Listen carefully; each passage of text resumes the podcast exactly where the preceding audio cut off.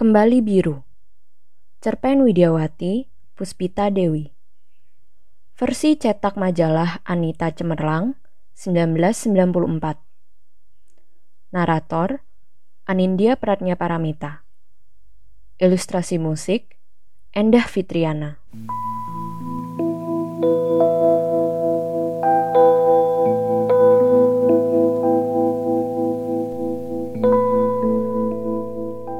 Hari masih pagi ketika aku dan Dino turun dari kereta. Kabut pun masih kelihatan. Berdua kami keluar dari stasiun Tugu. Belum terang benar ketika kamu masuk Yogyakarta. Beberapa sopir taksi tanpa argo mencoba menawari kami, tapi aku dan Dino sepakat memanggil seorang tukang becak. Tak lama, aku dan Dino sampai juga di rumahku. Jam setengah lima pagi begini, pasti pintu gerbang depan belum dibuka gemboknya oleh Pak Maman. Memang, keretanya kepagian datangnya. Biasanya masuk Jogja baru jam 6. Akhirnya aku menekan bel pintu sekali. Takut mengganggu orang rumah yang masih tidur. Paling-paling Pak Maman dan istrinya, Bi Narti, yang sudah bangun.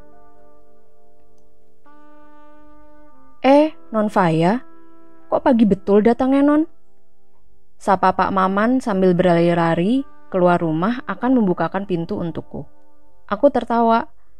Iya nih Pak, keretanya kepagian. Mana masih dingin begini? Papa dan Mama belum bangun ya? Cepetan dong Pak, ngebukain pintunya. Pak Maman tersenyum. Katanya, belum tuh Non, tapi kamar Non Faya dan Den, Dendino ya. Sudah Pak Maman siapin. Kata Nyonya, teman Non saya namanya Dendino. Betul ya Non? Aku mengangguk membenarkan. Dino dan aku segera masuk rumah sebelum kami membeku di luar. Memang akhir-akhir ini udara Jogja makin dingin. Begitu kata mama di telepon beberapa waktu lalu. Bi Narti muncul juga, membawa teh hangat dan roti tawar berselai coklat.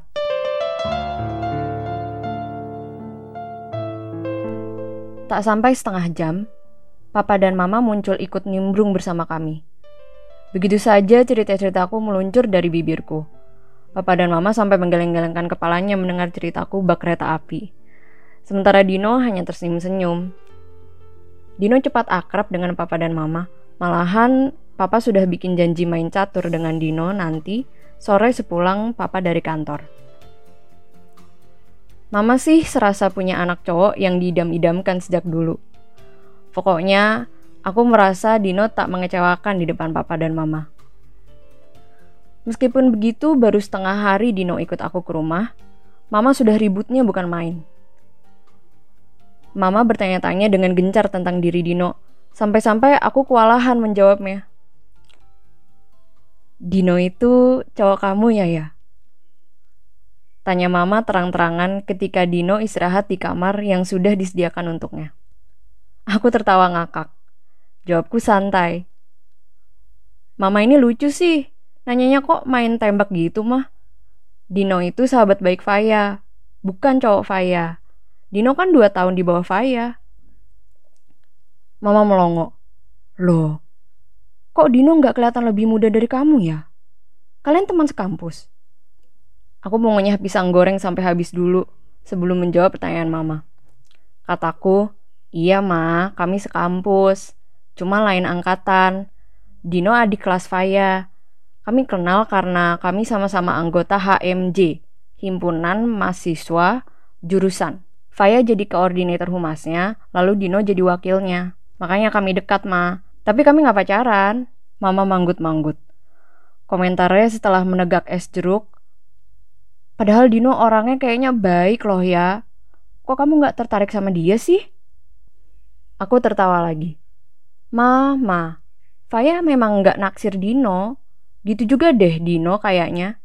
Kami cuma temenan dekat. Bolehlah dikata sahabat baik. Kok kayaknya mama yang suka sama Dino sih? Tertarik mau dijadiin menantu ya, Ma? Wajah mama jadi memerah. Dugaanku benar. Dino memang dekat denganku sejak kami sama-sama tergabung dari HMJ. Kami memiliki kesenangan yang sama, tentang dunia kepenulisan. Tak jarang kami pergi berdua untuk mengurus penerbitan majalah kampus. Aku dan Dino sering berdiskusi bersama. Bahkan nonton berdua atau ya cuma makan bareng. Memang aku dan Dino sering menghabiskan waktu berdua, tapi kami sama-sama tak pernah menyinggung apa-apa tentang hubungan kami ini. Kami malah sering saling menjodoh-jodohkan dengan orang lain. Aku merasa aku tak jatuh cinta padanya.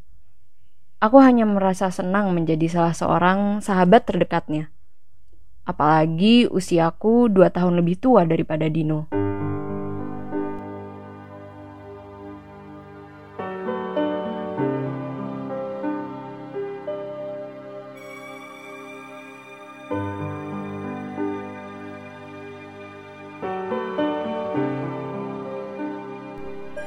Sejak SMA dulu sampai saat ini, rasanya aku belum bisa melupakan sosok Kenzo dari hatiku. Ketika SMA, aku dan Kenzo pernah jalan bersama. Aku sungguh mencintainya. Sampai suatu saat Kenzo terpilih menjadi ketua kelompok pecinta alam di sekolah kami. Mula-mula aku mendukungnya, tapi lama-kelamaan aku tak kuat juga Malam minggu bagiku bukannya menjadi malam yang panjang bagi kami berdua, tapi lebih sering menjadi malam yang sepi bagiku. Kenzo semakin asyik dengan dunia alamnya, pendakiannya di setiap malam minggu, sementara aku hanya bisa tenggelam dengan kesendirianku.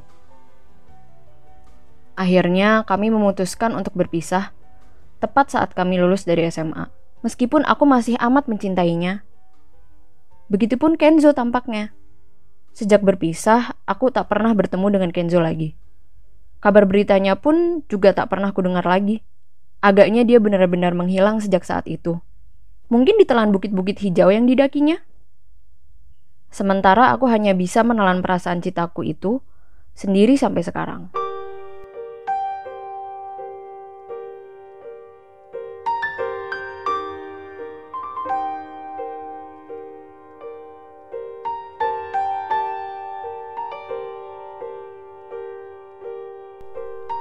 Dino ku ajak ke Taman Sari, sebuah objek wisata terkenal di Yogyakarta ini selain keraton.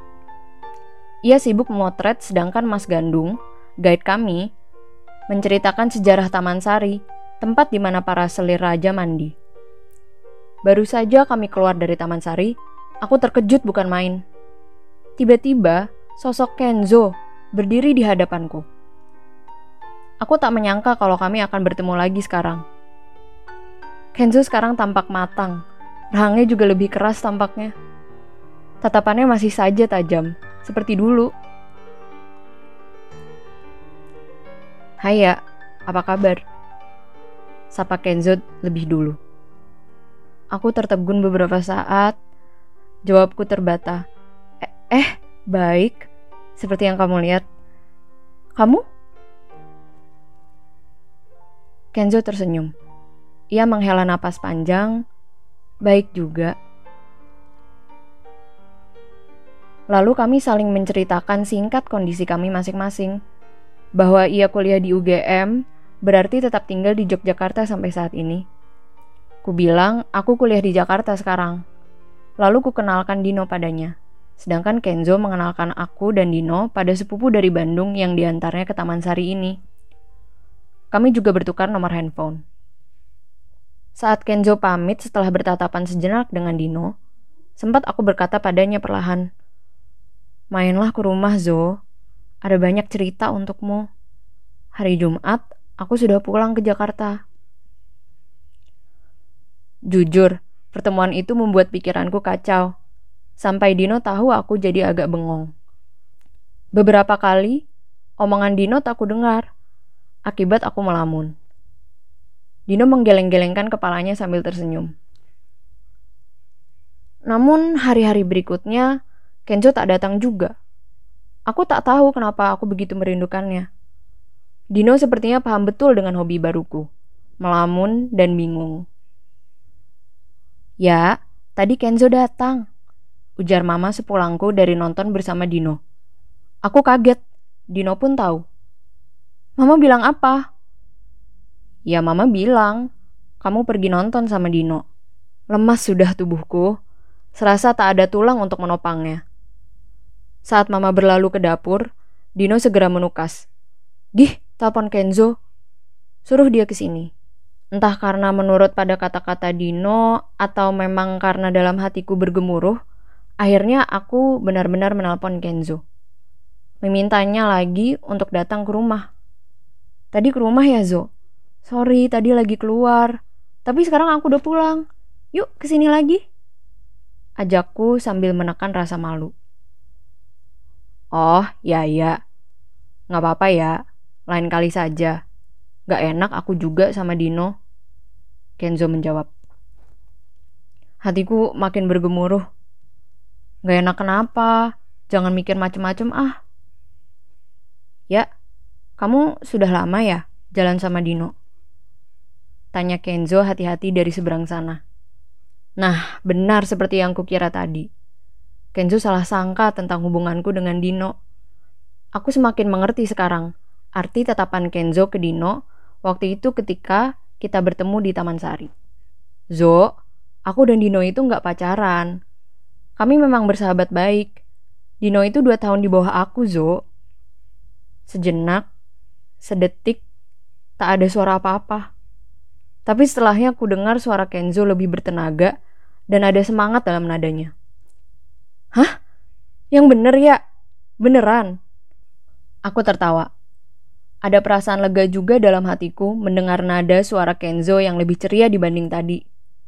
Iyalah, bener Zo. Kukira Dino ke sini karena kamu mau ngenalin sama papa dan mama. Dino itu teman baikku di HMJ Zo. Kami beneran gak pacaran. Eh, atau kamu mau langsung nanya ke Dino sekarang? Kenzo tertawa lepas. Aku apalagi. Hatiku menjadi sangat-sangat lega rasanya. Ya ampun, dari kita ketemu kemarin, aku pikir kalian itu pacaran. Hihi, sudah ke mana-mana pikiranku.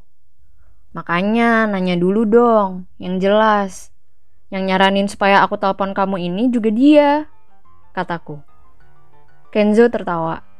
Ya sudah, aku ke sana sekarang ya. Awas, jangan pergi lagi. Bye. Eh, klik.